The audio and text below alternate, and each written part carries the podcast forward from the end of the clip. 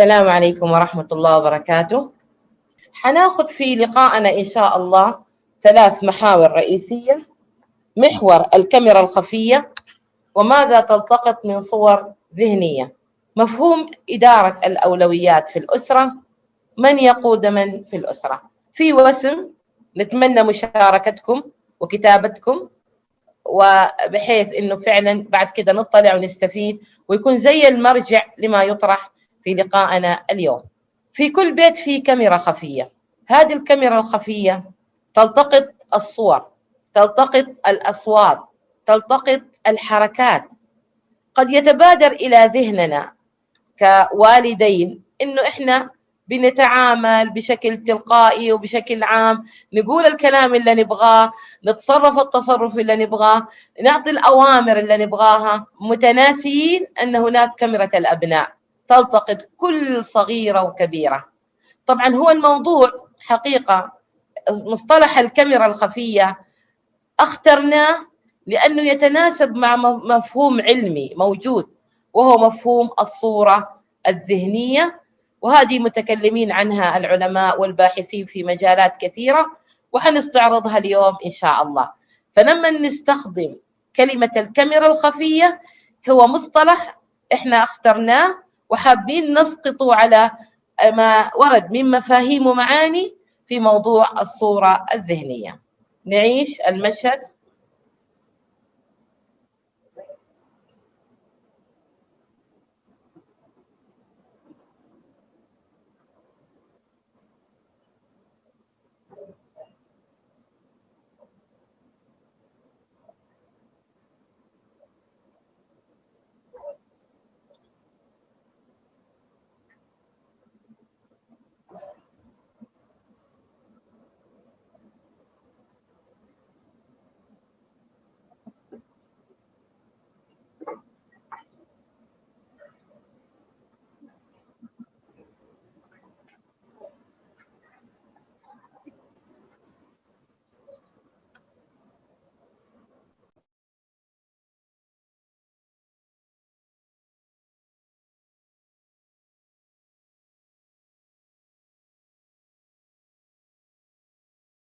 إذا مثل ما ذكرنا الآن إحنا عندنا كاميرا خفية في المنزل ونبغى كل شخص سواء كان صغير أو كبير يكون مركز على هذه الكاميرا والأمور اللي جالسة تعرضها هذه الكاميرا أو تلتقطها من صور.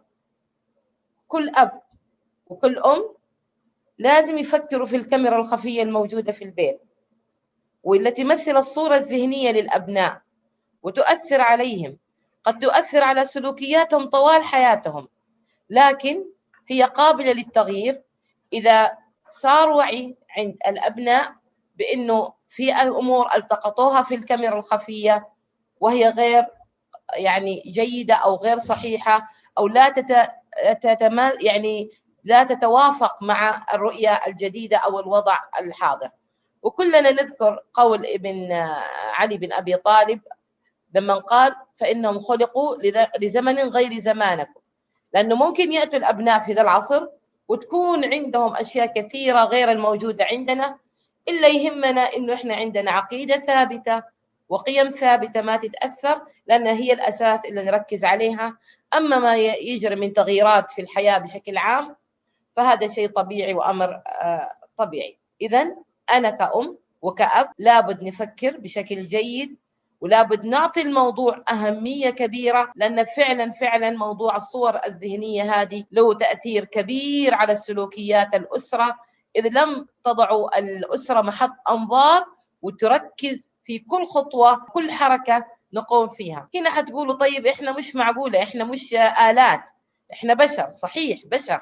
لكن ما يمكن أن نتحكم فيه ويكون عندنا وعي إنه في كاميرا معانا في البيت جالسة تلتقط خاصة الجيل الجديد. أنا جيل يعني كلامي بالذات لجيل الشباب حديثي الزواج. يعني لابد تركز أنت وزوجتك مع أول طفل وثاني طفل.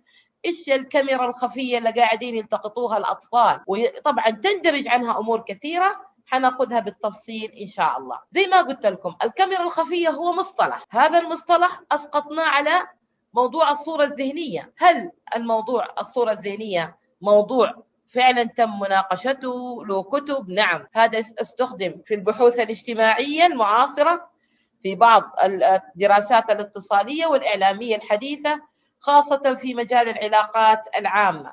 يعني زي ما قلت لكم إحنا بنعطي خبرة كوناها من خلال العمل. بعض الأحيان البعض يتوقع أنه إحنا نحل مشاكله النفسية.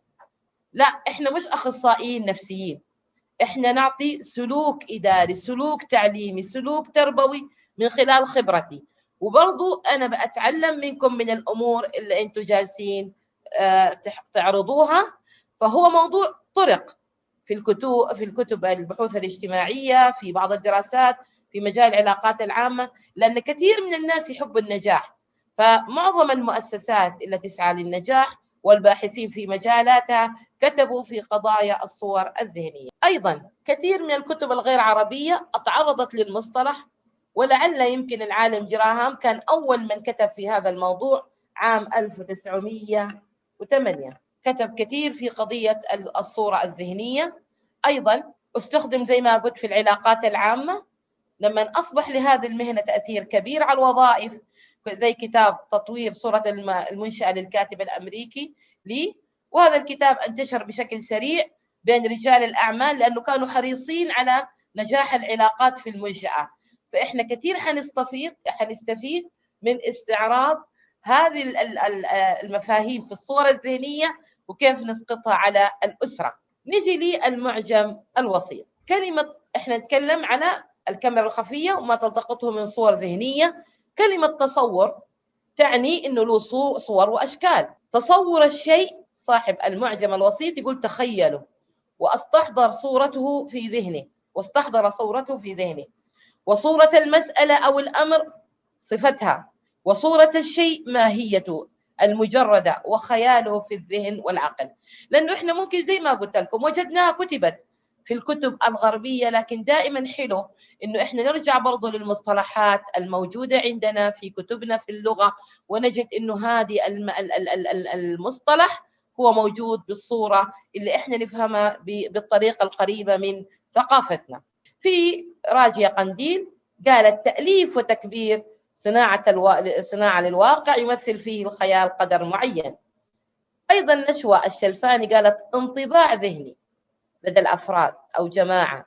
سواء هذا الانطباع يكون تجاه فرد أو جماعة أخرى.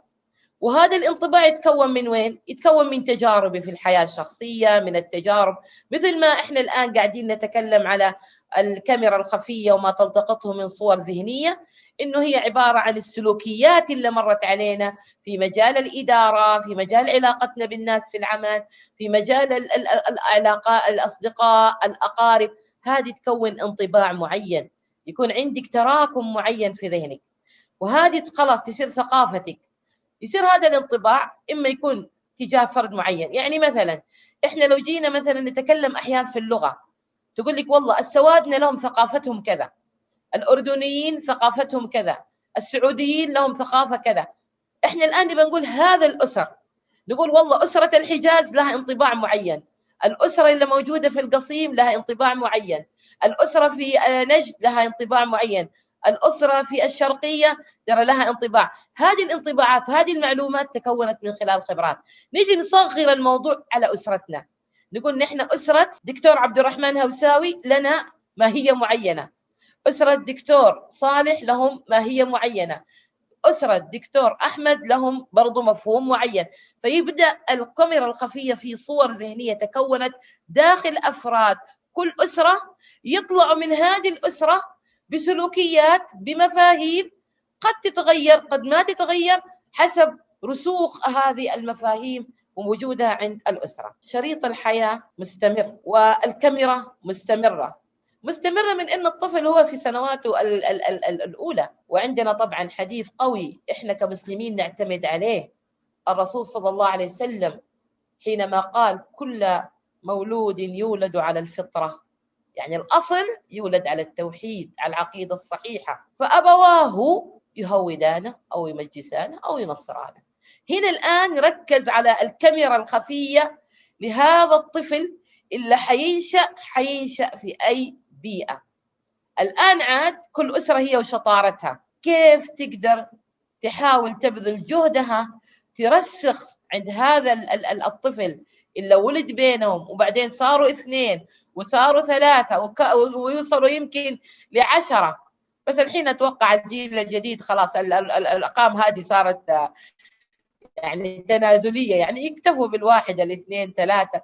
هذا يمكن في عصرنا صار العشرة وال 13 فكيف الأسرة تحاول إنها فعلا الكاميرا هذه تحاول إنها تسلطها بشكل يرسخ القيم يرسخ المبادئ يرسخ العقيدة اللي الرسول صلى الله عليه وسلم أهتم فيها؟ ولا حتى يعني إحنا قد ما نوصل لكل دقيقة في العلم لكن بما الله فتح علينا لما يأتي المولود ونشوف السنة حرصا على الأذان في الأذن اليمنى والإقامة في الأذن اليسرى. ترى هذه أشياء مي مي جاية جزافا.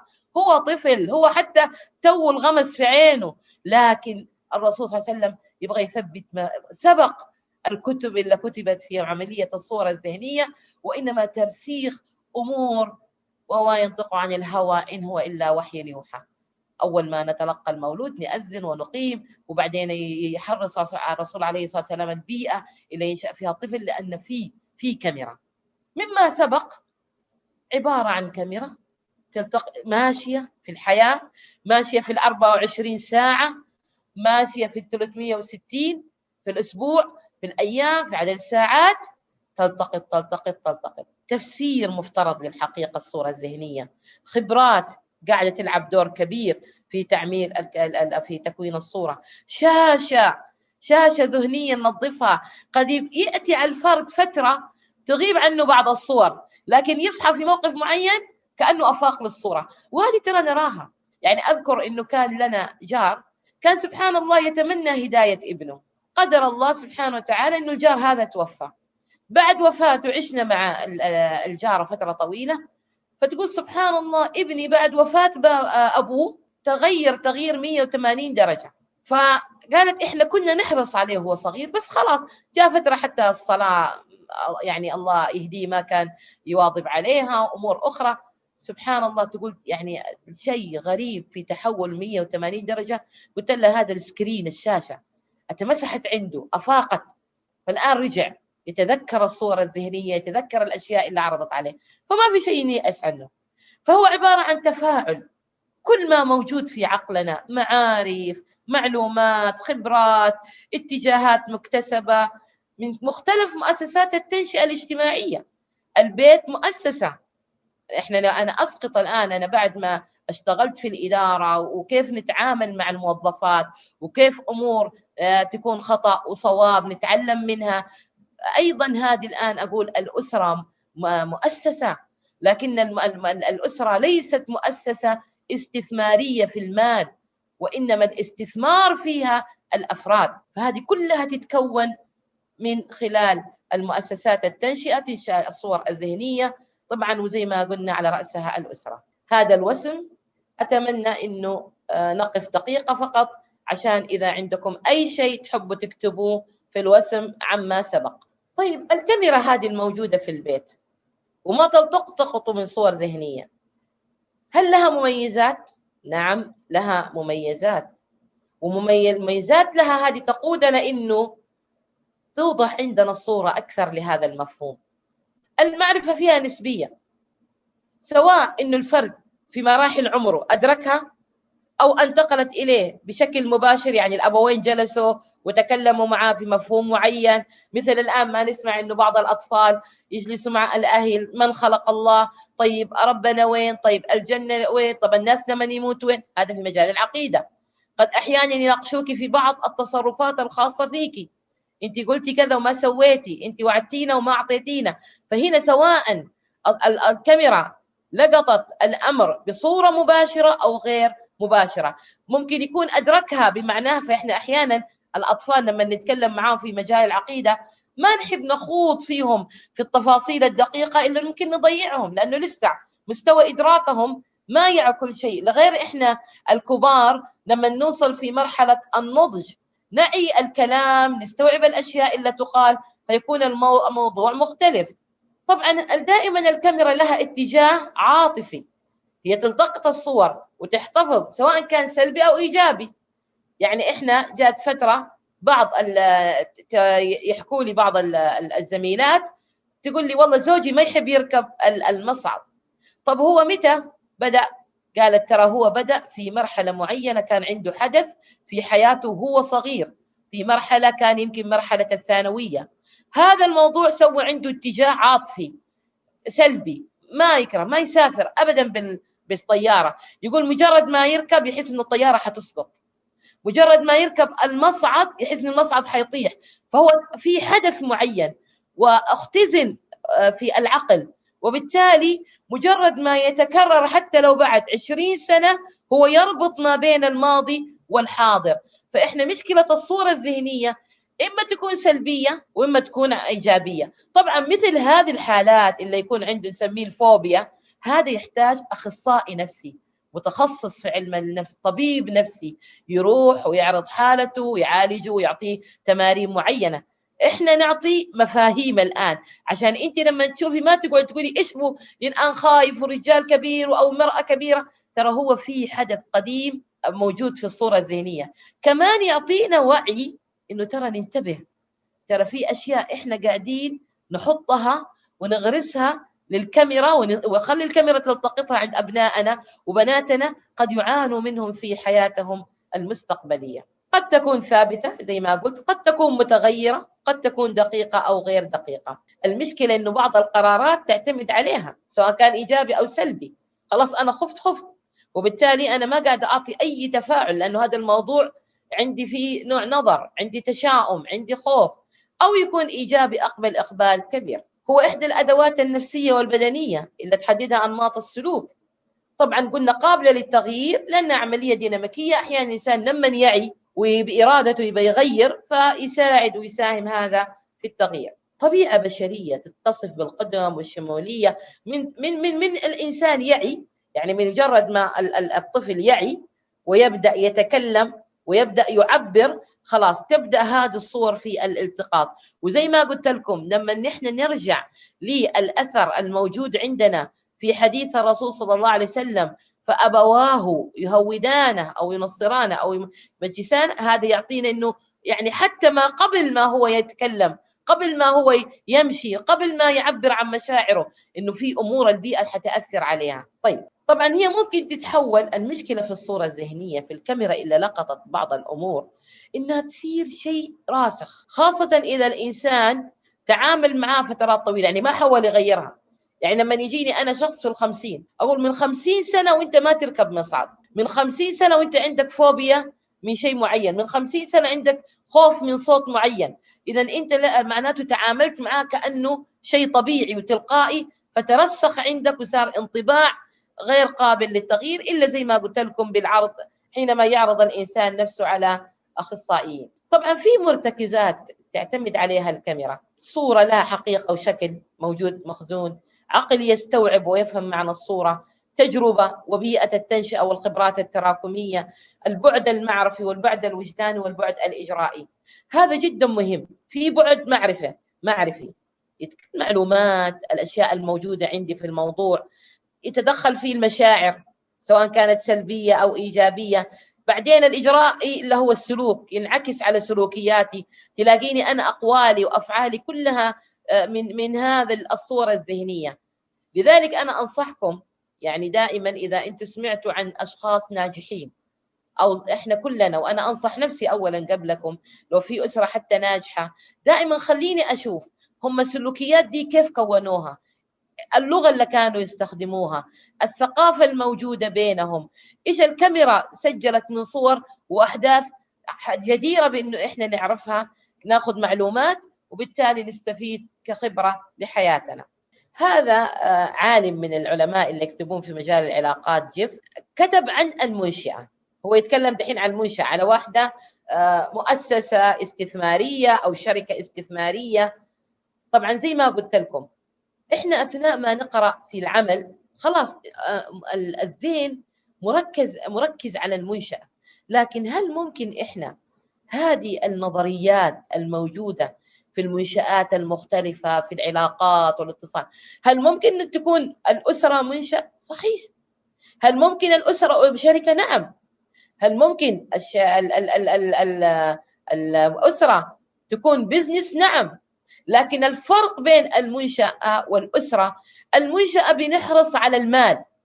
أنا في النهاية أشوف في الشركة حقتي كم الاستثمار المالي كم الربح. دائما أسأل عن صافي الربح. عن الخسارة.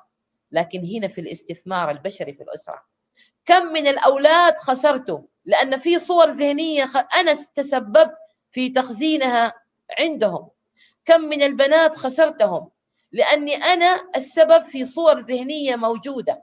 فالعالم جيف قال لو عندنا منشأة وتبغى تخلي صورتها الذهنية جيدة هي عندها أربعة من الصور المتعددة. أول صورة قال صورة المرآة وهي ما تراه الأسرة عن نفسها. يعني الآن هو يقول في المنشأة صورة المرآة. يعني أنا مثلا كلغة العقل إيش صورة لغة العقل عند الآخ عن, عن نفسي أنا أول شيء؟ ما أروح للناس اللي برا أشوف التسويق أشوف المالية التقنية العملاء اللي يتعاملوا معايا. إيش الصورة اللي رسمتها وعكستها كمرآة. طيب أنا لو أبغى أسقط هذا المفهوم في الأسرة نفس السؤال نطرحه. إحنا كأسرة محمد أو أسرة خالد أو أسرة صلاح كيف نظرتنا لأنفسنا؟ الأب كيف نظرته لنفسه؟ الأم كيف نظرته نظرتها لنفسها؟ الأبناء لأنه أحيانا الخلل يكون من بداية صورة المرآة. إذا كانت صورة المرآة في الأسرة فيها نوع من الفجوة أو الصورة السلبية أو ما نرى أنفسنا بشكل إيجابي بل نرى إحنا أسرة فاشلة إحنا عندنا مشاكل كثير إحنا أسرة غير متلاحمة غير مترابطة إحنا عندنا وعندنا.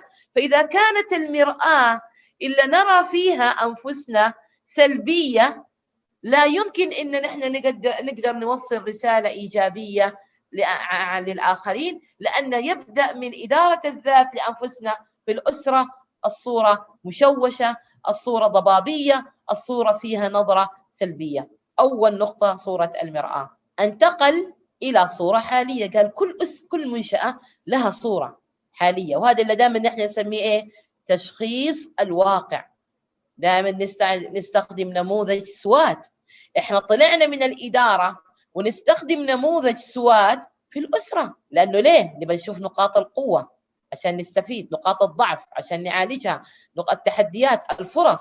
بعدين الصورة الحالية بدنا برضه نفكر ما يعتقده الآخرون عنا. هو يقول إنه ما يعتقده الآخرون عن المنشأة هذا جدا مهم. وأيضا في الأسرة ما يعتقده الآخرون عنا مهم. لكن لكن إحنا عشان عملية إنه أرضى اني نبغى نرفع قيمة الإخلاص نقول ما يعتقده الآخرون عنا ليس للشهرة وللسمعة وإنما حتى يكون عندنا رضا داخلي ونكون عندنا نوع من زي ما يقولوا إنه الأمل في إنه نكون على انه الله سبحانه وتعالى راضي عنا. يعني إحنا بنكون أسرة فيها الصدق فيها الأمانة فيها القيم حتى وهذه نظرة الآخرين لنا لو عكسناها من مجال القدوة ومن مجال النموذج لكن ليس طلبا للشهرة وللسمعة لكن في مجال المؤسسات لا هم المؤسسة كل مؤسسة تبغى تكون ذات آه، سمعة حسنة. بس إحنا دائما نقول نربي نفسنا حتى في المؤسسات إنه ما نقدمه هو خدمة تكون يعني مظلة إن شاء الله للعمل الأخروي لأن الإنسان المسلم في النهاية لابد كل عمل تكون فيه نية طيبة يخلص فيها العمل لله سبحانه وتعالى. صورة مرغوبة يقول المؤسسة في النهاية تكون لها صورة مرغوبة تبقى قريبة من الصورة الحالية. نفس الشيء إحنا كأسرة صالح محمد خالد فواز مريم منى إيش الأسرة؟ إيش ال إيش ال إحنا الصورة المرغوبة لأسرتنا. طب أنا دحين شايفة أنا تزوجت مثلا لي 30 سنة. بس شايفة أولادي الكذب ووسائل التواصل ترى هذه مو الصورة المرغوبة. أنا وأبوهم في شهر العسل كثير أتكلمنا عن الأسرة وجبنا كتب من المكتبة وقرأنا. طيب إحنا الآن الناتج طلع مختلف. طب إحنا إيش ممكن نعمل؟ فهذه كلها برضو تكون في الأسرة إنه نفكر ترى في كاميرا ونكون دقيقين في هذا الموضوع. صورة مثالية. إحنا الآن أي مؤسسة أي شركة تبغى تكون عندها صورة مثالية وهي تعرض. طيب نفس الشيء الأسرة. أكيد إحنا وهذه زي ما قلنا المثال اللي سبق نقرأ في المثاليات لكن الواقع بيكون غير المثالية. صور متعددة وهذه طبعا إذا كانت الآن المنشأة هو تكلم جيف يقول إذا كان المنشأة فيها انطباعات شخصية وكل كل واحد في فرد في المنشاه له أهدافه الخاصة. إذا ما تتوافق مع المنشاه وله آه، طريقته الخاصة هذه تصير صور متعددة. نفس الشيء ترى ده النمط في الأسرة. إذا صار موجود مشكلة كبيرة انه كل فرد ينظر بمنظاره الخاص لكن ما في شيء يجمع إطار الأسرة تحت إطار واحد.